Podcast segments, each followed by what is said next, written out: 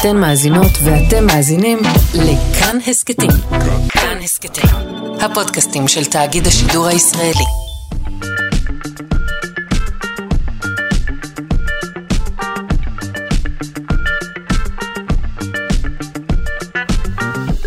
שלושה שיודעים. בוקר טוב למאזיני שלושה שיודעים היום על שימפנזים בריונים, על מתן תרופות דרך האור, על מערכת שמודדת בזמן אמת את בריאות הבניין בו אתם עובדים, ועוד. ערכה והפיקה את השעה הזאת תמר בנימין, על הביצוע הטכני דימה קרנצוב. אני שרון קנטור, ואנחנו מתחילים.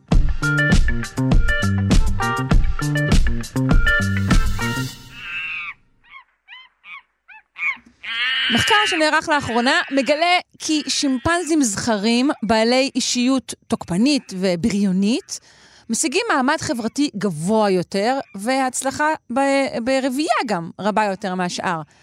אז למה לא כל השימפנזים הם פשוט דושים בריונים איומים ונוראים? אה, נפנה לאישה היחידה שיכולה להסביר את זה. הלוא היא הדוקטור יונת אשחר, מומחית להתנהגות בעלי חיים ממכון דוידסון לחינוך מדעי, שלום. שלום, שלום, בוקר טוב. בוקר אור. אה, אז קודם כל בואי נדבר באמת על, ה, על האישיות של שימפנזים. את יודעת מה? בכלל, רגע, אנחנו, יש אישיות לשימפנזים, זה בעצם, זה מה שאנחנו אומרים. אה, כן, זה אה, קצת מוזר מבחינה לשונית, כי כמובן אישיות מגיעה מלשון איש. איש, אנושי, נכון. אבל בשנים האחרונות יותר ויותר מחקרים באמת מסתכלים על ההבדלים ההתנהגותיים בין, אה, בין בעלי חיים בתוך מינים של בעלי חיים, ומגלים שכן, יש להם אישיות, יש להם תכונות אישיות שונות, שאני חושבת שכל מי שבילה זמן עם, עם, בעלי חיים כלשהם, אה, יכול להגיד את זה בעצמו. אה, אם למישהו יש אה, כלב או חתול, בעיקר אם יש לו נגיד שני חתולים, הוא יכול להגיד לך שאין להם את אותה אישיות. כן, זאת אומרת, את זה אתה יכול ללטף, אה, זה ינשך לך את היד עוד לפני שתתקרב, כן, בוודאי. בדיוק. נכון. זה, הם, יש להם תכונות אחרות, יש כאלה שהם יותר סקרנים, יש כאלה שהרבה יותר חששניים, יש כאלה שהם ידידותיים, יש כאלה שהם תוקפניים. וככה זה כמובן גם אצל קופי אדם וגם אצל הרבה מאוד בעלי חיים. כן. ובאמת אנחנו בשנים האחרונות יותר ויותר רואים מחקרים ש, שבודקים את- באמת את התכונות אישיות האלה של, של בעלי חיים. וגם בשימפנזים זה נעשה כבר לפני כמה שנים. התפרסם מחקר שבעצם בדק את התכונות אישיות של, של שימפנזים לפי ההתנהגות שלהם. נכון. כמובן, הם לא, צריך לציין שכש... הם לא ממלאים אה, שאלונים, אבל אמ, תראי, אפשר כן. להסיק על זה. צריך לציין שכשג'יין גודול אה, בעצם אמרה דברים כאלו על קווי אופי של, של שימפנזים, היא, היא הואשמה ב- בהאנשה שלהם, נכון? בשעתו. כן, היא הייתה באמת מהראשונים שהתייחסו לבעלי החיים לא כאל משהו שהוא כאילו, שימפ... ראית שימפנזה אחד, ראית את כולם, אלא נתנה להם שמות, שזה היה אז מאוד לא רגיל, וזה, היום זה, זה נחשב בהתנהגות בעלי חיים, תמיד נותנים שמות לבעלי החיים. כן. אה, אבל אז זה היה מאוד לא רגיל, ובאמת התייחסה אליהם כל אחד כאל, כאל פרט בפני עצמו, שיש לו אישיות שונה והתנהגות שונה ורקע שונה. אה, והמחקר הזה, מעניין, זה נעשה בשמורת גום בטנזניה, שהיא שמורה שבה, זה בעצם אותה אוכלוסייה ש, שאותה התחילה אה, גודו לחקור, ו, Mm. וחוקרים אותה כבר עשרות שנים. אה, די ברצף מהימים שגודול הייתה שם. אה, כן. טוב, כבר התאכזבו אם לא נהיה שם, החבר'ה, את. יודעת, הם יגידו, מה זה, איפה- איפה איפה בני האדם שהסתכלו עלינו כל הזמן? מה קורה? כן, היא הייתה הראשונה באמת שהרגילה אותם לנוכחות של בני אדם, ואנשים עדיין, אה, עדיין חוקרים אותם. וזה באמת, אה, הם השתמשו פה החוקרים בנתונים מ-37 שנים על אה, אה, 34 זכרים, שבאמת הקווי אישיות שלהם כבר נקבעו, לפי, לפי התצפיות שלהם וההתנהגות שלהם. והם רצו לבדוק את, ה, את הקשר של זה, בין, הקשר בין זה לבין המעמד שלהם, כמו שאמרת, וכמה צאצאים הם, הם מעמידים. ובאמת, אה, אה, ככל שאנחנו רואים יותר שיש באמת מגוון ושונות של אה, טיפוסי אישיות אצל בעלי חיים, אז נשאלת השאלה למה. כי אם יש סוג אישיות אחד ש, שמוביל ליותר צאצאים, אז היית, היית חושבת ש, שכך היו כולם. זאת אומרת, זו אלא אם תכונה כן שתיבחר כמין תיבחר כולו, באבולוציה. לא, אבל אלא אם כן כמין כולו, ברגע שכולם ככה, אז זה שוב יכול להקטין את מספר הצאצאים. נכון? יש גם איזה, בטח איזה תחשיב של התמהיל.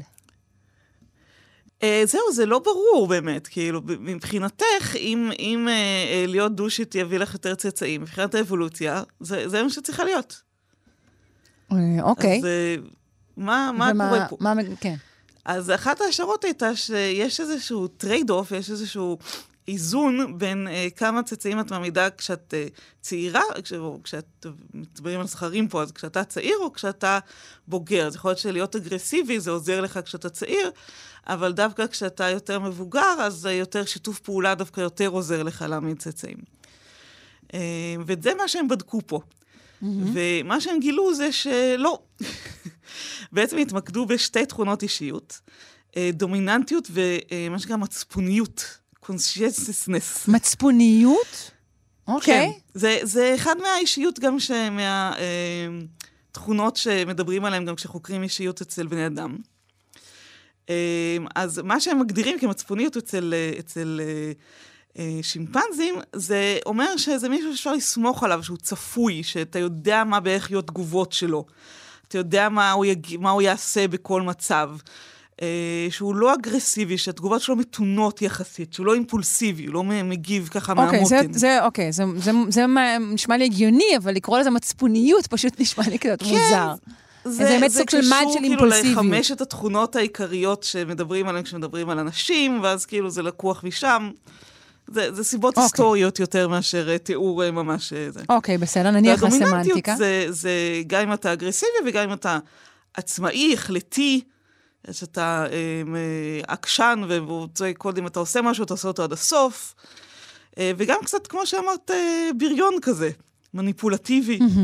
מישהו שהוא לא חששן או ביישן, לא, לא איזה פרח קיר כזה.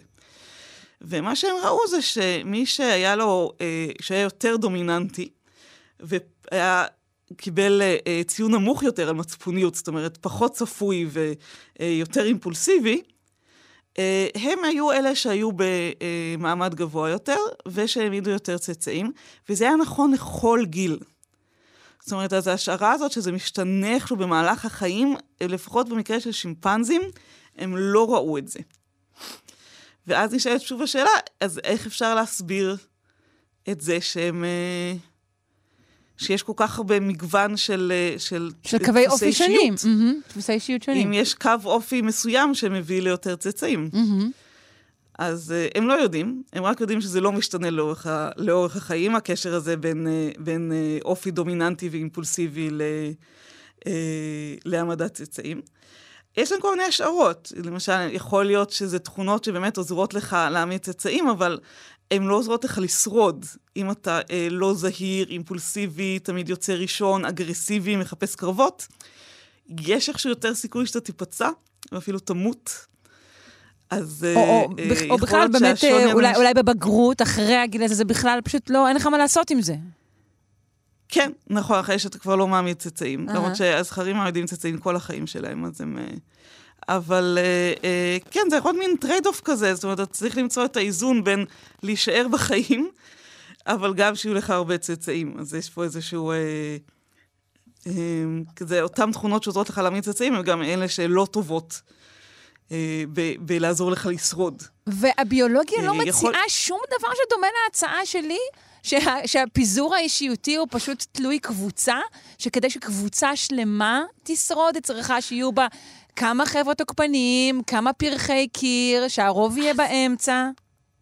אז זה נושא מעניין, כי זה כבר מה שנקרא, אה, זה מביא אותנו לתחום של מה שנקרא ברירת קבוצות, שאומר שקבוצות בעצם מתחרות אחד בשני מישרוד, ולא רק פרטים כן, מסוימים. כן. ויש המון ביקורת, אני צריכה להגיד לך, בקרב הביולוגים, על הקטע הזה של ברירת קבוצות, כי, כי לקבוצות אה, אה, אין DNA, זאת אומרת, בסופו של דבר מה שקובע זה ה-DNA שמשתלט בתוך הקבוצה. חכי, חכי, אנחנו עוד נגלה את ה-DNA של הקבוצות, אני כבר יכולה אבל להריח. יש, יש, יש חוקרים ש, שטוענים בזכות ברירת הקבוצות, זה ויכוח שעוד לא הוכרע. טוב, אז, אה, יפה. כן. אה, בסדר, בינתיים עלינו כמובן אה, לשמוח על המגוון, הן אה, בקרב אה, בני האדם כן, והן בהחלט. בקרב קופי האדם. אני מודה לך מאוד, דוקטור יונת אשחר, מומחית להתנהגות בעלי חיים, מכון דוידסון לחינוך מדעי. בוקר טוב. תודה רבה.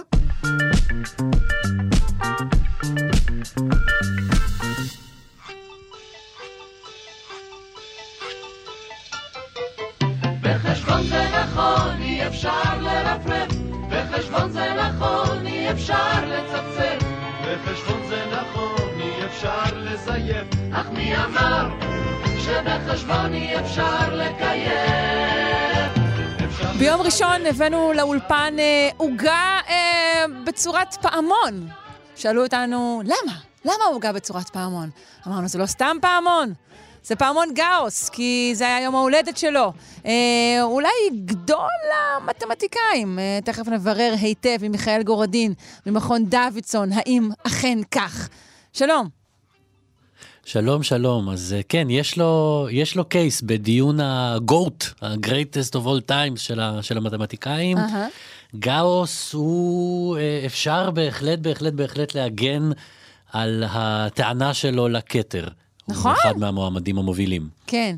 אה, בואו ניתן קצת קווים לדמותו הלא שגרתית, יש לומר, היה חתיכת טיפוס. כן, לצד אה, תרומותיו הבאמת, הוא, הוא היה ענק טיטן קולוסוס של, ה, אה, של המתמטיקה, אבל אה, לא, לא מהאנשים היותר סימפטיים כן. שאפשר היה לפגוש. יליד מסתובבים 1777, נגיד? כן, 1777, הוא נולד בשנה יפה כזאת. כן, אה, אה, כיאה למתמטיקאי. אה, כן, אולי, אולי, אולי ככה הוא בחר את אה, תאריך לידתו. מסתובבים עליו כמה סיפורים, אה, אה, אה, לא בפן המתמטי שלו, בפן האישיותי שלו. תן אה, לנו את אז, אה, הרכילות של המתמטיקאים, נו. קשה לך, קשה לך, אני שומעת. לא, לא, זה שני הדברים נכונים אחד לצד השני. הסיפורים לא מורידים מגדולתו כמתמטיקאי, וגדולתו כמתמטיקאי לא מורידה מהיותו כנראה בן אדם איום ונורא. אה, למשל, היה לו אה, בן. אה, ומספרים שפעם הבן שלו בא אליו ואמר לו, אבא, אני החלטתי שאני גם רוצה להיות אה, מתמטיקאי כמוך, ועל כך הוא קיבל את התשובה, לא כדאי, אתה לא כל כך מוצלח ואתה תדרדר את שם המשפחה, אז עדיף שלא. תראה, ככה זה היה פעם, לא כמו היום, שרק כאילו אומרים אה, כל הכבוד, כי ילד מביא עוגת בוץ. זה... פעם היו מדברים אחרת. כן, ל- לפחות כך זה היה באותו מחוז של, אה, אה, של גרמניה של היום, ש- ששם, ששם אהה. הוא אה, נולד. אז עוד לא הייתה גרמניה, אבל השטחים, כנראה המשמעת הנוקשה הייתה אותה משמעת נוקשה. אה, עוד סיפור אולי סימפטי אפילו פחות, שהוא היה פעם אה, שקוע עד כדי כך באיזושהי בעיה אה, מתמטית, ובאותו זמן אשתו הייתה מאוד מאוד חולה בחדרים למעלה. הרופא שבא לבקר אותה ירד לחדר העבודה להגיד להרגאוס אה, שצריך, הוא צריך לבוא כי אשתו גוססת, ועל כך מספרים שגאוס ענה, תגיד לה שתחכה רגע עד שאסיים. אבל לצד כל זה, באמת, זאת אומרת, לא היה תחום מתמטי פחות או יותר, שבו אין איזשהו אה, גילוי מרכזי, איזשהו, איזשהו משפט סופר עמוק, לא, לא משהו משול, בשוליים, דברים בלב של הלב של התחום, משפטים מאוד מאוד מרכזיים ומשמעותיים. שהם משפטי גאוס. בכל מקום במתמטיקה שהולכים אליו, נתקלים בגאוס. ואחד ה... המופעים המפורסמים ביותר של זה, זה באמת אותו פעמון גאוס, שאנחנו נתקלים בו השכם והערב בכל מיני אה, אה, אירועים סטטיסטיים. כן, כן, אנחנו כאשר- רוצים תזכורת. אה, אמנם אנחנו שמענו עליו כבר, אבל אנחנו רוצים תזכורת שלך. כן, אז על, על, על, על, על רגל אחת, פעמון גאוס זאת- זה בעצם פעמון התפלגות, שמספר לנו כמה נפוצים כל מיני דברים, כשגאוס מצא את הנוסחה ואת התופעה הזאת ואת הנוסחה שמתארת איך הגדלים באמצע הם יותר נפוצים, ככל שאנחנו הולכים אל השוליים הם אה, פחות ופחות נפוצים, ויש פונקציה די אה, מתוחכמת ומורכבת שמתארת את התופעה הלכאורה הפשוטה הזאת. זהו, זה משהו אה, מהסוג שנשמע כאילו ברור שבאמצע יש הכי הרבה, אבל זה בעצם לא ברור.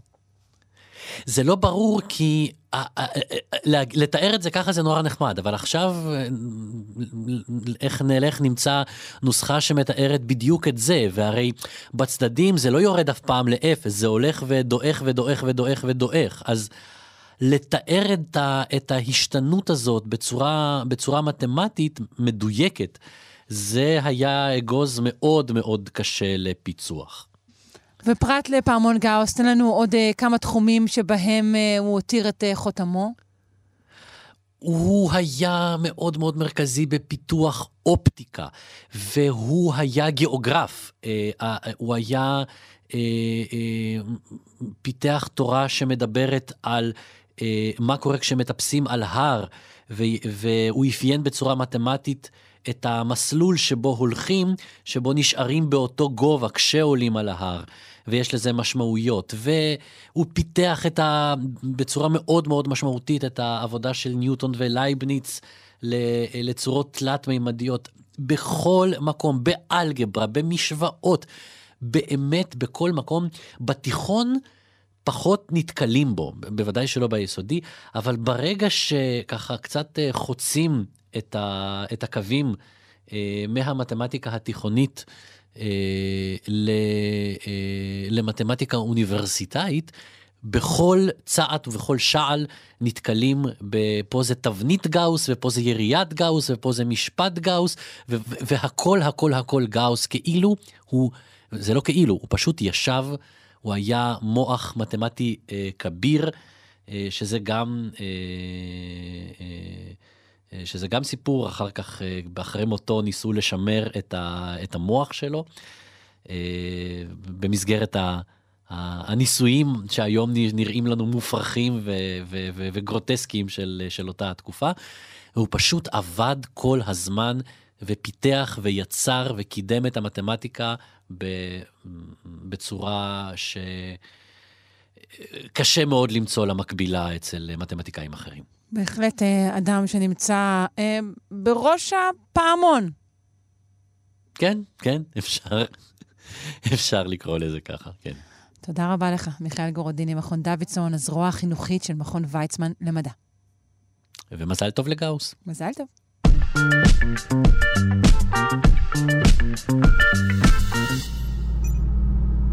מדבקות ניקוטין, למשל, אה, כולנו מכירים, אבל עכשיו אנחנו רוצים לדבר על מתן תרופות דרך האור. אה, נפנה לדוקטור אה, שאדי פרח מהפקולטה להנדסה כימית על שם וולפסון בטכניון, מרצה בכיר העומד בראש המעבדה לפיתוח פולימרים פונקציונליים רפואיים מתקדמים ומערכות חכמות למתן תרופות. שלום. שלום שרון, שלום. זהו? לא צריך לבלוע? אה, לא, כל התחום של המדע ומתן תרופות מתפתח במהירות אה, מרבית, וכל יום יש משהו חדש. כן. אז אה, איך בעצם אנחנו יכולים אה, לקחת תרופות דרך האור? האם הספיגה האורית היא, היא, היא טובה. כמו הספיגה בבליעה? אז, אז, אז לפני שניכנס לזה, חייבים להגיד כמה דברים על האור. האור הוא בעצם האיבר הכי גדול שיש לנו, שהוא מהמעטפה החיצונית של הבעל, אה, בעלי חיים, והוא מהווה כמעט 15% מהמשקל של הגוף.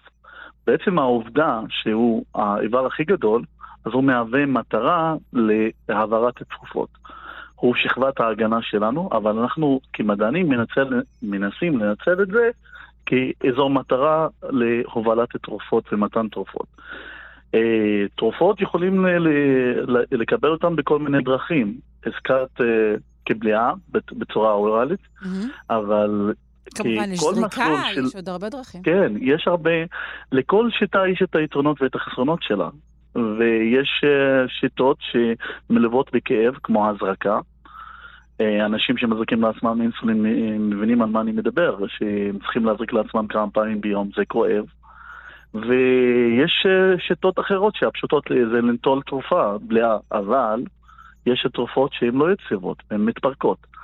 ואז פה מגיע התור של המדענים לחפש שיטות חכמות למתן תרופות, וזה משהו שהוא דומה שאני, שאני והצוות שלי עושים פה בטכניון. לאילו תרופות השיטה הזו מתאימה? יותר מאשר לאחרות? אוקיי, okay, אז, אז פה אנחנו מתייחסים למחקר חדשני שהתפרסם לאחרונה מ-MIT, ששם פיתחו שהוא תכשיר לביש שמורכב מכמה חלקים, שאפשר לשים את זה על הלחי ואז לשלוט בקצב מתן תרופות. עכשיו, הרעיון מאחורי התכשיר הזה זה לעשות אה, מתן של תרופות לא יציבות. ופה כל הנקודות, פה כל הנקודה המיוחדת בכל הסיפור הזה, למשל אינסולין. אינסולין את לא יכולה לתת את זה אוראלית כי הוא מתפרק מהר אה, בקיבה. אז המחשבה היא להשתמש באור על ידי שילוב עם טכנולוגיה שמתבוססת על האולטרסאונד, ולפתוח תעלות בתוך האור ולהזרים שם תרופות שהן לא יציבות, או למשל להזרים הורמונים, אה, מולקולות גדולות שקשה לתת אותן בדרכים הקלאסיים, וזה מהווה אה, אה, דרך לתת תרופות בצורה שהיא פחות כואבת למטופלים. מדובר בהדבקה או בפתיחה מסוימת של שכבת העור העליונה והשתלה? לא לגמרי הבנתי. אוקיי, okay, פה מדובר בתכשיר של סיליקון, שמצמידים אותו ללחי או לעור, ו... אה, ללחי? ה... על, על, על הפרצוף פשוט? כן, הם שמים את זה על הפרצוף, אה, ואז אה, על ידי הפעלת גלי אולטרסאונד, כתוצאה מהפעלה של גלי אולטרסאונד בצורה מיקומית, נוצר לחץ שלילי וחיובי בשכבות של העור, הדבר שפותח תעלות בתוך העור, וזה מאפשר מתן את התרופות ישירות דרך העור. ואז הן מגיעות לזרם הדם, ואז יש את ההופעה של התרופה בזרם הדם בקצב מהיר, ובמחקר ההוא שאנחנו מדברים עליו, הם משווים את זה למדבקות אה, המייקרו-מחטים. הזכרת אה, למשל בהקדמה שלך שמשתמשים במדבקות לגמילה אה, מניקוטין. נכון. מעישונים. אז המדבקות האלה מבוססות על מייקרו מחטים, מחטים מאוד דקים שמצמידים אותם לאור בצורת מדבקה ומזרימים את התרופות. אבל איפה היתרון של המערכת שפה הם מציעים? שהיא מפעילה אולטרסאונד ואז היא פותחת את התעלות לאספקה יותר יעילה של תרופות. אז פר השפעה הם מראים שהשיגו אה, אה, אה, כניסה של כמות יותר גדולה של תרופה, פי 19 מההשוואה של המייקרו-מחטים. Mm, וזה ממש נכנס קצר, כאילו, כאילו אל, אל תוך האור, בעצם חודר את השכבה הקרנית שלו. נכון, נכון. השכבה הקרנית היא השכבה העליונה והיא השכבה הקשוחה, והמטרה פה זה לפתוח תעלות בשכבה הזאת ולהזרים תרופות, שתרופות שמאתגרות לתת אותה בדרכים הקלאסיים. תן לנו עוד אה, דוגמאות לטיפולים שימצאו את השיטה הזו יעילה יותר. טיפולי אור למשל? אז, אז, אז, אז השיטה הזאת היא יכולה להיות uh, uh, מתאימה לכמה כיוונים. ניקח את הכיוונים הכי פשוטים, שזה טיפול פאור בעצמו. זה שיש לנו פצעים, לריפוי פצעים, פצעים עמוקים, ככה שאנחנו רוצים להחדיר תרופות לאזור שאנחנו מעוניינים פה בצורה לוקאלית, בצורה יותר יעילה. כוויות, מקרים של כוויות, אז זה טיפולים לאור עצמו, והדיווייס הזה יושב על, על האור עצמו, זה, זה דרך. דרך אחרת זה uh, מתן הורמונים, uh, בכל מה שקשור לרפואה הנשית, uh, למשל לתת פרוגסטרונים, uh, לשלוט בקצב השחרור דיברנו גם כן על האינסולין לריפוי סכרת, והמחקר uh, מציע את ה-Device גם כן לשימושים uh, לטיפול בסרטן. אחת הבעיות בסרטן זה חדירת תרופות לתוך הגוש הסרטני. והמחקר הזה מציע שעל ידי הפעלת אותה טכנולוגיה אפשר לפתוח גם כן תעלות בסרטנים שהם מאוד עקשניים, שהמבנה שלהם מאוד קשה לחדור. והתהליך של האולטרסאונד, שהוא פותח תעלות, הוא, הוא תוך כדי פעולה הוא מייצר בועות, שהבועות האלה, ברגע שמגיעים במגע עם הדופן הפנימי של אם זה עור, אם זה גוש סרטני, הוא יכול להתפוצץ ואז יפתח את התעלה שאפשר דרכה להזרים כמות מאוד מדידה של התרופה. אוקיי, okay. ואנחנו גם בעצם עוקפים, הרי ברגע שאנחנו מכניסים משהו למשל בבליעה, דרך מערכת העיכול, אז אני מניחה שגם הפירוק אולי מוריד גם מהמינון הרצוי של התרופה. נכון מאוד, ברגע שאת אוכלת תרופה בצורה אוראלית, אז זה עובר לקיבה, מתחילים אנזימים לפרק את התרופה, גם כן עובר דרך הכבד שמפרק חלק גדול מהתרופה, ובעצם הכמות שמגיעה לאזור המטרה שלך היא כמות מאוד קטנה. היתרון פה שאת פה שמה את זה ישירות על האזור הרצוי, זאת אומרת הטיפול הוא לוקאלי לחלוטין. ואם אנחנו מסתכלים על, ה, על השימוש בטכנולוגיה הזאת, היא, היא נכנסת תחת כל מה שקשור למודרניזציה של הטיפולים, לעשות כאילו אה, הזרקות ללא מחטים, ללא כאב. או בכיוון השני, שזה רפואה מותאמת אישית, שאת מתאימת את הטיפול לפי החולה, לפי המצב של המחלה, ולתת את זה בדרך הכי יעילה לחולה. ואז ככה את מעלה את היעילות בכמה סדרי גודל. אה, החוקרים האלו ב-MIT שפיתחו את הטלאי הזה, את המדבקה הזו, זה, זה, כבר, זה כבר בשימוש? כבר נבדק על בני אדם, הכל קורה? אה, במחקר ההוא הם בדקו את זה על אור של חזיר. ובדקו את החדירה ומצאו שתוך 30 דקות מקבלים חדירה שהיא uh, פי 19 מהחדירה הרגילה של מייקרו מחטים, והשלב הבא זה הם רוצים ליישם את זה על פני אדם. עכשיו, uh, מחקרים דומים uh, uh, שמתבססות על שימוש באולטרסאונד וחדירות דרך האור, יש כמה קבוצות בעולם שחוקרות את זה, גם אצלנו בארץ. אה, יש למשל קבוצת מחקר של יוסי קוסט, פרופסור יוסי קוסט מאוניברסיטת בן גוריון. הוא גם מקים כמה חברות בתחום הזה. התחום הזה הוא להעיד כי את מקרינה את האולטרסאונד בצורה לוקאלית, ואז את שוללת את כל התהליך הזה בצורה לוקאלית, על ידי כפתורים, on, on and off. כאילו, את מפעילה או מכבה, ואז יש לך יותר שליטה על תהליך הטיפול. אז הרבה קבוצות מחקר עובדים על זה, והרבה תכשירים שהם גם כן בשלבים הקליניים. אה, לאו דווקא התכשיר הזה שמוזכר ב-MIT, אבל התכשיר הזה המיוחד שהוא לוקח את זה לכיוון אחר, שכיוון של התכשיר לביש, mm-hmm. מה שנקרא wearable devices, שזה גם כן נכנס תחת העניין של הנוחיות למטופל. כך שאת שמה תכשיר שהוא מתבסס אגב על PDMS, פולידימטיל סלקסנים, סיליקונים מאוד פשוטים, שקופים בצבע, אז הם לא יפריעו, זה מדובר כאילו בשכבת אה, אור אה, שנייה, אפשר לקרוא לזה, שכבת על, היא לא תפריע, והיא נוחה לשימוש. אז פה הנקודה של החידוש בסיפור הזה. טוב, מדהים. תודה רבה לך, דוקטור אה, שדי פרח, מהפקולטה להנדסה כימית על שם וולפסון בטכניון. תודה, יום טוב. תודה, תודה רבה, יום טוב. Thank you.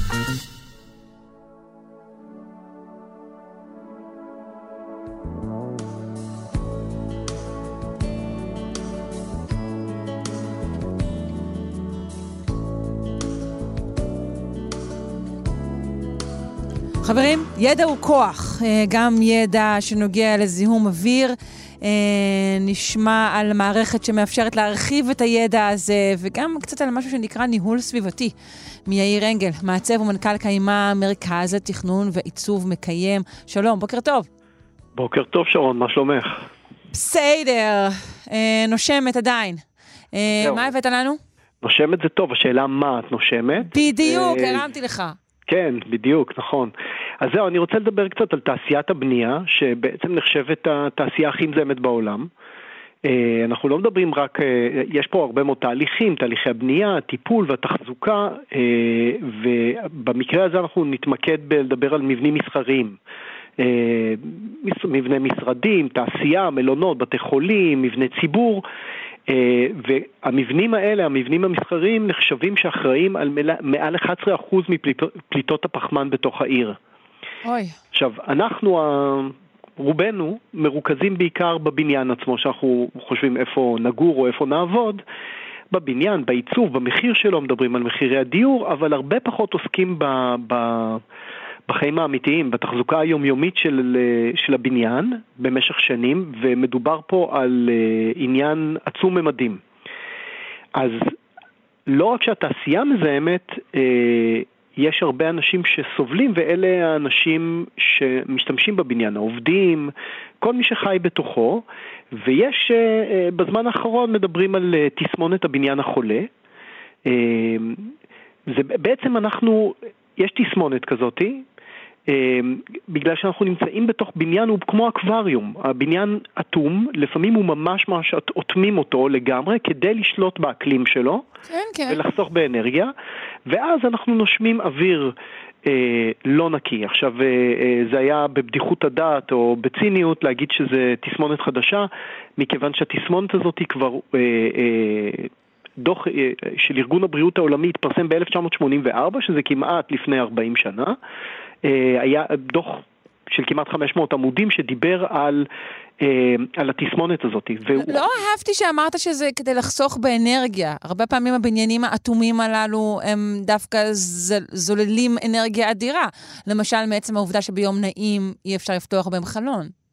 נכון, אבל הרעיון העיקרי הוא כדי של, ש, לשמור על המיזוג או על החימום בתוך הבניין. יכול להיות ש, שזה עוד יותר מוריד את, ה, את איכות האוויר.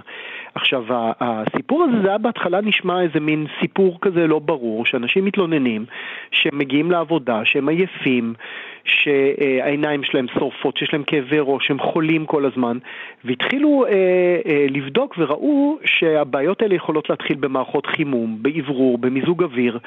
אה, זיהומים שנוצרים מתוך חומרים בבניין, וממש פוגעים ב, ב, בעובדים ובמשתמשים של הבניין, שזה בעצם הבניין נועד בשבילהם, כן? אבל בניין חולה גם יכול להיות בניין שיש בו הרבה מאוד רעש, למשל. נכון, אני תכף מגיע לזה, אני רק רוצה להגיד שלרוב ההתמודדות עם התסמונת הזאת נעשית בדיעבד, וכל הרעיון של בנייה ירוקה למשל, הוא הרעיון של לחזות את, ה, את הבעיות מראש ולנסות למזער אותם בשימוש נכון, אה, למשל על ידי הכנסת אוויר אה, נקי, או אה, להוריד את הרעש, להוריד את הזיהום, להוריד את הקרינה וכולי. עכשיו, צריך להבין שמדובר פה בעניין כלכלי. תמיד כמעט. הקירור והחימום והכנסת אוויר צח של, הם לוקחים בערך חצי מתצרוך אנרגיה של בניינים ומדובר במיליונים ויותר, כן?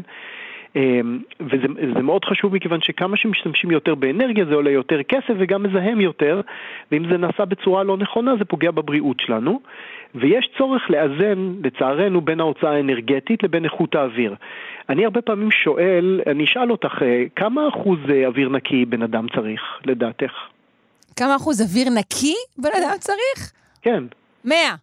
נכון, אבל את כמעט היחידה שתעני נכון. הרבה פעמים אנשים לא, לא, לא חושבים על זה. הם עונים אה, מה שנקבע בתקן. התקן נקבע שיש כמה וכמה החלפות אוויר בתוך, בתוך שעה, כדי להכניס אוויר נקי ולאזן בין ההוצאה האנרגטית לב, בעצם לבין איכות האוויר. אה, ולא סתם הענף הזה נקרא נדל"ן מניב. אה, ויש פה איזשהו סוג של התנגשות אינטרסים בין הבריאות של המשתמשים לבין ההכנסה הכלכלית. עכשיו, הסטארט-אפ שאני רוצה לספר עליו נקרא רד, רד גרין. רד גרין. רד גרין. הוקם על ידי סיגלית וארז מוצפי, זוג, אה, והם היזמים שהתחילו את זה, ובעצם המודעות שלהם התחילה לפני אה, אה, הרבה שנים, שאחד הילדים שלהם יש לו אסתמה, והם התחילו לבדוק מאיפה זה מגיע והאם הם יכולים לשפר את המצב אה, ומה גורם להתפרצויות וכולי וכולי, והתחילו להעמיק בנושא וסיגלית שהגיעה מתחום של ניהול מוצר דיגיטלי וארז שהוא מהנדס חשמל ומחשבים, התחילו לחפש פתרונות מערכתיים איך לנטר אה, ולזהות זיהום אוויר ומזהמים סביבתיים אחרים במרחב העירוני. אה, והם פיתחו מכשירים, מכשירי ניטור כאלה. כשהתחילה הקורונה הם התעסקו בעיקר במרחב העירוני, עבודה מול רשויות מקומיות ועיריות, שזה עניין מאוד מתיש, אבל כשהתחילה הקורונה הם עשו פיבוט לסטארט-אפ שלהם ועבדו להתמקד אה, באיכות אוויר וזיהום בתוך מבנים. זה האיץ את הסיפור הזה, כי פתאום הלחץ מתוך אה, איכות האוויר הפנימי בגלל הקורונה עלתה. אז... אה, למרות שאנשים פחות הלכו למקומות העבודה שלהם, אלא ישבו בבית.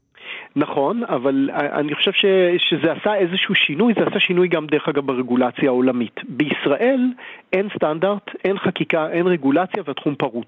לא ייתכן, דווקא בישראל? אני כל כך מופתע. אה, זה אני יודע, זה כל פעם מפתיע מחדש, אבל אה, אה, זה קורה גם בעולם, והתחילו להתייחס לזה, הכניסו רגולציה, בבלגיה למשל החליטו שמ-2021 כבר מעלים את הספיקה של מערכות המיזוג בבניינים ציבוריים, אני, מדבר על העלייה של ספיקת אוויר של אה, ל-40 מטר קוב לשעה במקום 25 אה, מטר קוב, זה כמעט הכפלה, ויש כל הזמן צריך לעשות ניטור רציף כדי לגלות שלא עברנו איזשהו אחוז של פליטה. עכשיו, מה שהם רדגרין עושים, הם בעצם אה, מפזרים חיישנים. אה, בתוך הבניין שמודדים הרבה מאוד פרמטרים שעוסקים בבריאות המבנה ובעיקר בריאות האנשים שמשתמשים בו והמבנה בעצם אמור להיות אה, הכר הפורה לפעילות האנושית, בשביל זה כמו כן. שאמרו אני. אני אגיד לך, זה, זה דבר נהדר, כל החיישנים האלו, אנחנו נציין שהם באמת אה, מודדים שלל פרמטרים, הם מודדים באמת רעילות של הצבעים ולחות ורעש וכל מיני דברים כאלו, אבל הם מיועדים מראש לחברות ובניינים שיכולים ורוצים לתקן את הליקויים לכשאלו מופיעים. זה לא, כבר כשלעצמו נשמע לי כמו מיעוט. אז, אז, אז ככה, אז קודם כל, ב-2025 זה יהיה חובה אה, לחברות אה, שסוחרות בבורסה בארצות הברית ובאירופה לדווח על זה. אה, והדיווח הזה יראה בעצם את הנתונים והם מתחילים להיערך לזה. בגלל זה גם הם עובדים בעיקר בחו"ל ופחות בארץ לצערנו. אבל יש פה, אני רוצה, אני רוצה להסביר על העניין הזה, זה נכון לגמרי ואנחנו חייבים להתחיל תמיד מאיזשהו מקום. הם, קודם כל הם בודקים כמה דברים ולא רק איכות אוויר, הם בודקים גם תרכונות, תרכובות אורגניות נדיפות, למשל כל מיני חומרים שנפלטים מחומרי ניקוי, ממוצרים וחפצים בתוך המבנים שלנו, פורמייקה של השולחן, הצבע על הקיר, ויש מזהמים שדיברנו עליהם, כאלה שאנחנו מפזרים אותם בכוונה בבניין, כמו מבסמים כימיים, שהקדשנו להם פינה שלמה.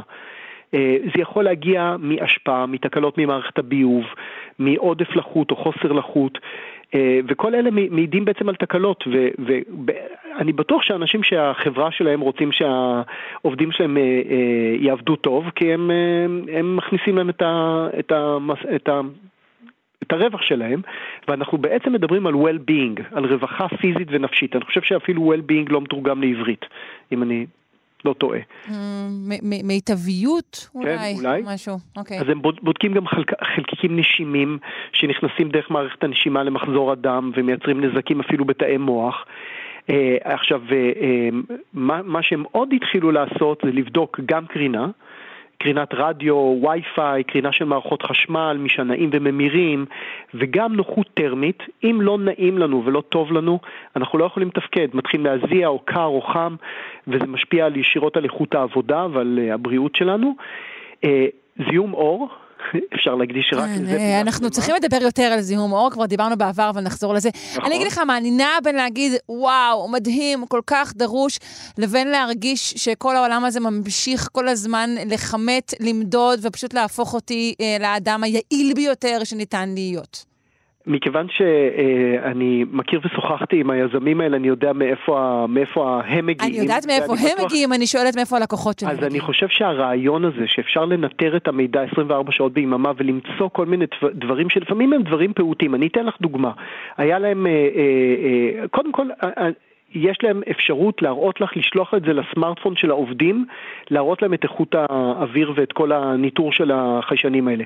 חברה שעושה את זה, והיום חברות מתחרות אחת בשנייה בכל מיני דברים, כולל בנושאים סביבתיים, אני מדבר על החברות הגדולות יותר אה, והמתקדמות יותר, אבל אני רוצה לדעת אם יש קריניין ליד העמדה שלי בעבודה, ואני אלך אולי לעבוד במקום אחר שמאפשר לי לעבוד במקום בריא יותר. אבל לפעמים זה יכול להיות דברים קטנים. למשל, באחד החברות, הם לא חושפים את השמות של החברות, אבל עובדים בחברות שונות אה, וגדולות, אה, אה, הם גילו שיש, הם יכולים לחסוך כ-20% מצריכת החשמל של הבניין, ומה שקרה זה שעובדי הניקיון הגיעו ב-6 בבוקר לנקות את הבניין, ועד שעה תשע בערך המערכות, כל מערכות החשמל והמיזוג עבדו. אה, שאין צורך, כי הם היו רק במקום ספציפי בבניין. הם גילו את זה כי היה ניטור של פליטת חומר, חומרים רעילים מחומרי הניקוי שהם השתמשו בהם. אז קודם כל, כמובן שאפשר להבין מיד שצריך לשנות את חומרי הניקוי, לרווחת עובדי הניקיון, כן. ולא צריך להפעיל את כל הבניין, ואפשר לחסוך ככה המון המון המון כסף. כן, שוב, אני, אני, אני, אני, שוב, אני נעה בין לה, להסכים ולהתפעל לבין אה, אה, שוב לחוש אה, רמת הניטור הכללית של חיינו. אנחנו לא יודעים לאן זה ילך, אתה יודע, עם זה שזה ישלח לי לטלפון את ההתראה של, היי, אל תיכנסי למשרד הזה, יש בו יותר קרינה. אני לא יודעת אם, אה, אם זה מה שאני רוצה, אבל כנראה שהדברים הולכים לשם, ובכל מקרה זו טכנולוגיה מרשימה מאוד. רד גרין, אני נאלצת להיפרד ממך כרגע. יאיר אנגל, מעצב ומנכ"ל קיימה, המרכז לתכנון ועיצוב מקיים, תודה רבה. תודה, ושיהיה לכולנו אוויר נקי. בהחלט, ביי ביי.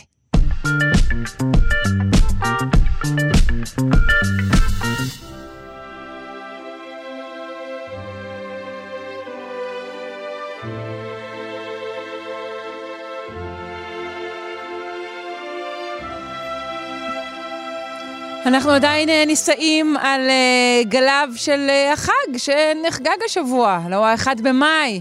נפנה לרונה ישראל קולט, מורה לפיתוח קול וחוקרת קוגניציה ווקאלית באוניברסיטה העברית. שלום. שלום לעובדת. שלום גם לך, העובדת. כן, האחד במאי, חג חזק, ואני בחרתי שירי צווארון כחול, קצת יותר אה, מפיאנומן, ואז יש להם את השירים שיש להם את הזיקה החזקה ביותר למקצוע, כי בלעדיהם אי אפשר לעבוד. זאת אומרת, השירה מאפשרת את העבודה, והמקצב והמלודיה והשירה הם נוצרים מתוך ולמען העבודה.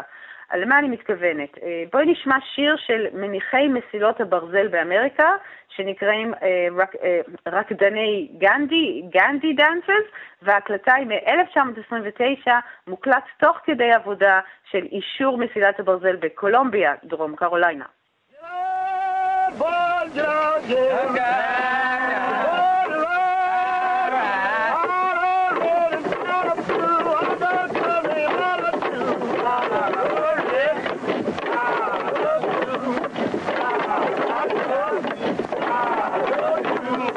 הנקישות הקצביות שאת שומעת זה, זה המוטות שבעזרתם הם מזיזים את ה... מיישרים את המסילות וכי הם חייבים לעבוד בסנכרון מושלם, אחרת הם לא יכולים להרים ולהזיז את מסילת הברזל, והסנכרון הזה מתאפשר בזכות השירה. זאת אומרת, המילים פחות חשובות, הן לפעמים מתארות את העבודה, או איך זה להיות שחור ועני, או קריאות לאל שייתן כוח, כי זה כמובן עבודה מונוטונית וסיזיפית, ומי יעשה אותה אם לא המיעוטים המוחלשים, בעיקר מהגרים, או כמובן אה, אה, אפרו-אמריקאים, וזו עבודה ידנית. היא, אה, היא נמשכה עד, עד אה, שנות ה-70 של המאה הקודמת. אז, אז, אז סמן נוסף אפשר להגיד שזאת לא שירה אינדיבידואלית, זאת שירה של קבוצה שמטרתה להפוך את כל היחידים האלו לקבוצה שעובדת יחד. נכון, נכון, זו אחת ההנחות של החשיבות האבולוציונית של שירה, שבעזרתה הכי יעיל ליצור סינכרון של מספר רב של אנשים, אבל זו גם שירת מענה. זאת אומרת, יש מה שנקרא אה, הקולר, בעל הקריאה, הוא זה שמכתיב את הקצב, ואז הם עונים לו, אז הפועלים עונים לו, וכמובן הם יודעים באיזה, אה, אה, קצב אה, אה, להקיש או להזיז עם המטה שלהם, וכמובן הוא האדם שיש לו את הקול הבריא והמהדהד ביותר, ואני מניחה שגם היפה ביותר, כדי שהעובדים גם יוכלו איכשהו להסיח את הדעת מהעבודה הזו. ואז סביר להניח שהצורך הפיזי בסנכרון ובהסחת הדעת, בהנאה, הם החוליה המקשרת בין, בוא נגיד, שירה שבטית, שדורשת שירה אקטיבית ובוא נגיד השתתפות של כל השבט, אין דבר כזה שאדם לא שר, ובין התפתחות של מעמד הסולן. בין כן. ההתמקצעות של השירה שהיא אז מגיעה השירים למעשה האלה למ- כוללים הרבה פעמים אלמנט של שאלה-תשובה כזה, מה שאנחנו קוראים? בדיוק, בדיוק, אה, אוקיי. שירת מענה. אה, יש את ה... זה הסולן, זה זה למעשה המצב שרווח היום, שיש מבצע אקטיבי ומאזין פסיבי. אז זה איפשהו החוליה המקשרת של הסולן, אוקיי. ואז עונים לו. וככל ש... ככל שאת יודע... אה, שככל שהקול שלו יותר יפה, אז אני מניחה שזה אה, הביא להתפתחות של ה... של ה... איכשהו הדיכוטומיה הזו בין אקטיבי לפסיבי. כן, יותר יפה או יותר ורסטילי, ככה שלא תתנמנם שם. נכון, נכון, שפשוט יהיה להם אה, משהו להסיח את הדעת, אבל זה כן. גם באמת צורך בסינכרון. אז השיר הבא הוא גם צמח מהעבודה, והוא גם מהדהד את השירת מענה הזו, אבל הוא כבר עבר את ההתמרה משיר עבודה נטו לשיר ששומעים באולמות קונצרטים. וזו גם הזדמנות שלי להיפרד, של, של כולנו להיפרד מהארי בלפונטה, Mm, נכון. שהזמר באמת נפטר בשבוע שעבר. כן, שבוע שעבר, והוא גם היה עם קול פנטסטי וגם לוחם זכויות אדם, ולדעתי אחד השחקנים הכי יפים ש, שהיו על המסך באמריקה, והוא באמת עושה את הקריירה שלו בשירה של שירי קליפסו מג'מייקה, שמשם הגיעו ההורים שלו, אז נשמע את ה-Day O, the Banana Boat Song.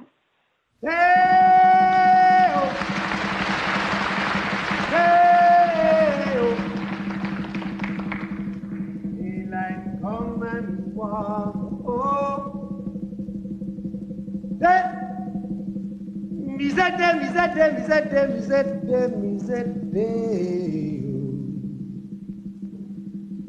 Daylight come and one go home. Work all night on a drink of rum. Daylight come and want go home. Stack banana till the morning come. Daylight come and אז זה כמובן לא ממקום העבודה, או לפחות ממקום העבודה שלו כזמר, לא כפורק אה, בננות בנמל בג'מייקה. זה, זה שיר של פריקת בננות? כי אתם פה מאוד מאוד איטי, אני כמעט שמעתי שייט. אז זהו, את יודעת מה, אני- אה, בואי נגיד שזה כבר עבר, זה כבר הפך להיות משהו קצת יותר מתורבת. אני לא יודעת מה, מה באמת הם אהה. שרו שם בנמל, זה לא הקלטה מהנמל, אבל השיר הוא על, אה, שהם שרו, הם היו שרים את זה במשמרת הלילה, כי היה חם מדי לפרוק את הבננות, והם מחכים לזריחת השמש, אז את שומעת אולי הם קצת עייפים כבר. הם כבר רוצים אה, ללכת הביתה.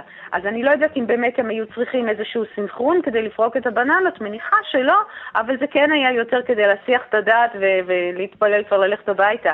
ובאמת השירים האלה הם הפכו לה- להשראה לשירי מחאה של עובדים ושל לוחמים לזכויות אה, עובדים ואדם, ומכאן אני עושה באמת את המעבר אחד לשירי מחאת עובדים שהם בעיקר, ה- שהתוכן, הטקסט הוא העיקר ולא הסנכרון או המקצב, ואז זה מקצוע שיותר קל להתקל בו בעולם המודרני אה, של להקת הפאנק רוק הבריטית, The Enemy, שנקרא אה, אומה של קופאיות, Nation of Checkout Girls.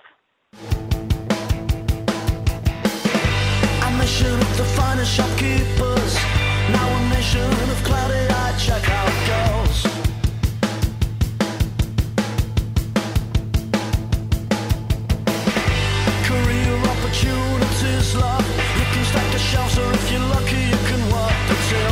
אז כאן אני חושבת שאולי המוזיקה, אולי המקצב לא בדיוק אה, מהדהד את המקצוע עצמו, אני לא יודעת אם הן אה, יכולות אה, לתקתק על הקופה בכזו מהירות, אבל הוא באמת, אם מבינים את הטקסט, אז זה ממש מחאה על הפער המעמדי, אנחנו עבדים של התאגידים, עושים מה שאומרים לנו, ומה שאנחנו יכולים לצפות לו, השיא של חיינו זה, זה לשים את ה... אה, לשים את הסחורה על המדפים. כן, אז, אז אה, אלה היו אה, The Enemy, שיר אה, מצוין. אה, כן, אה, באמת- לפחות שיהיה מותר להן לשבת אה, לקופאיות. ואולי, אה, כן, אולי באמת גם לשיר, למה שלא ישירו בסופרמרקט? אני חושבת שלהכניס את השירה לעבודה היא אה, עוד דרך אה, להכניס את האנושי ל- לתאגיד. למ- למה שלא יהיה שיר הקפאיות? למה לא? אז במעבר באמת ללוקאלי, אני יכולתי להשמיע הרבה מאוד שירי עבודה מהתקופה, בדת העבודה הייתה באמת לא נפרדת בין ה... דת למדינה, אבל אני אקדיש לזה פינה נפרדת, כי באמת בהשראת משה זורמן יש המון שירי דת העבודה והם פנטסטיים והם הבסיס לכל התרבות השירית הישראלית. אז אני פשוט אה, כן אגש מקצוע שחוצה כמעט את כל המגדרים בארץ, כמעט את כולם, להיות חייל. כמעט כולנו היינו בשרשרת החיול, וגם שם אה, כמות השירים למקצוע הזה היא אינסופית, אבל בחרתי בשיר של זמר שהוא כנראה הזמר השני הלא ידוע הכי טוב בארץ. אה, וזה נתן גלילי, הוא מתאר את, אה, את שרשרת החיול, מה עובר על חייל צעיר, למרות ששם השיר משקף חוויה אה, לא כל כך נעימה, אולי זו רק חוויה שלו, אני מקווה, Three Wasted Years. So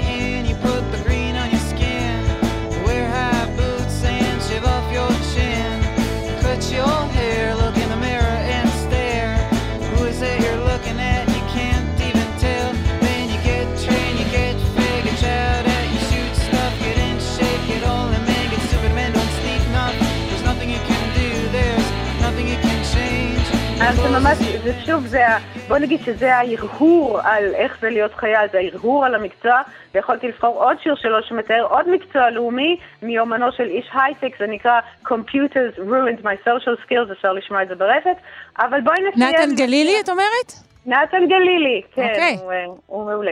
אז נסיים את השיר המעולה של דולי, עם דולי פרטון, 9 to 5, הוא מתאים לכולנו, לכל האנשים בדרך ששומעים עכשיו, על שהמשאלות שהיא מביעה שם בשיר יתממשו לכולנו. כן, את המנון הפרילנסר עוד לא קיבלנו פה, אבל uh, גם זה יקרה. Uh, ניפרד בשלב זה, רונה ישראל קולט, מורה לפיתוח קול וחוקרת קוגניציה ווקאלית באוניברסיטה העברית. Uh, ניפרד כאמור עם דולי פרטון, 9 to 5. תודה.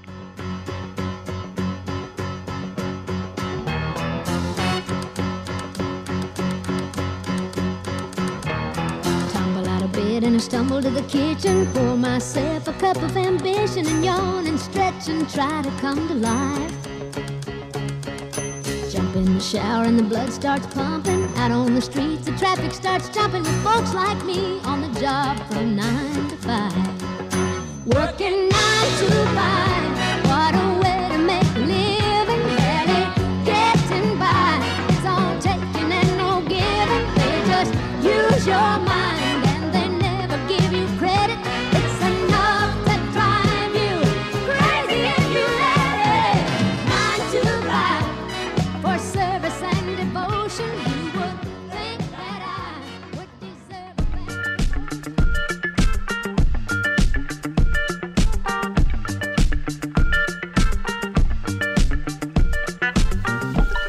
כאן השעה הראשונה שלנו, שלושה שיודעים. בשעה השנייה תתארח כאן לשעה תמימה. הדוקטור אה, טל פטלון, מנהלת מכון המחקר והחדשנות של מכבי, כהן סגול מכבי, היא תשוחח איתנו על גנטיקה, אתיקה וחזון הרפואה הפרסונלית.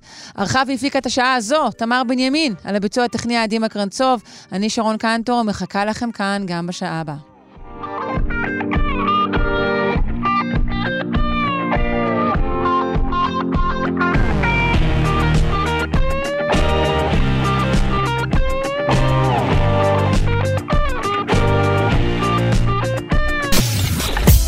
אתן מאזינות ואתם מאזינים לכאן הסכתים.